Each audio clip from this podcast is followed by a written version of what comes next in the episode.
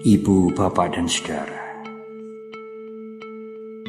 di mulut semua orang ada kapak.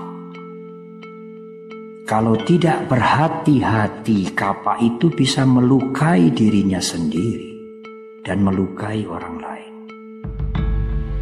Sekarang harus ditambah, ibu, bapak, dan saudara, menjaga jari-jari Ada seseorang yang bangun pagi jam 5 Sebelum gosok gigi, sebelum meditasi, apalagi belum mandi Dia sudah membuka internet. Dia menanggapi, dia memberikan komentar segala macam. Sampai kurang lebih dua jam Nanti malam sebelum tidur meskipun badan sudah capek dia buka internet lagi. Dia memberikan komentar tanggapan segala macam kurang lebih satu jam. Berhati-hati mengirim komentar-komentar itu. Akibatnya itu akan berputar-putar akan menjadi viral. Tidak akan berhenti. Sukar untuk dihapus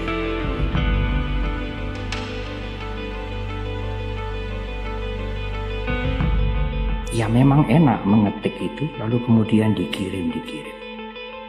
Karena itu juga memberikan kepuasan. Kepuasan mengakibatkan ketagihan.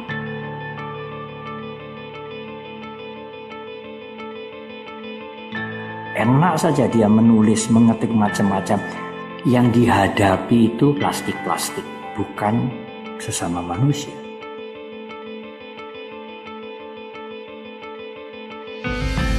Coba dia berhadapan langsung, apa berani? Kita tidak sadar itu, kita enak saja menulis, kemudian send, send, kirim, kirim. Orang lain akan membaca.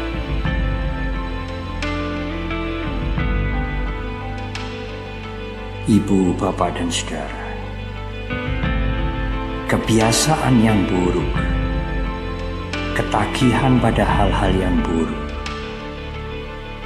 dan itu akan membentuk sifat yang tidak baik di kemudian hari. Berhati-hati mengirim komentar-komentar itu.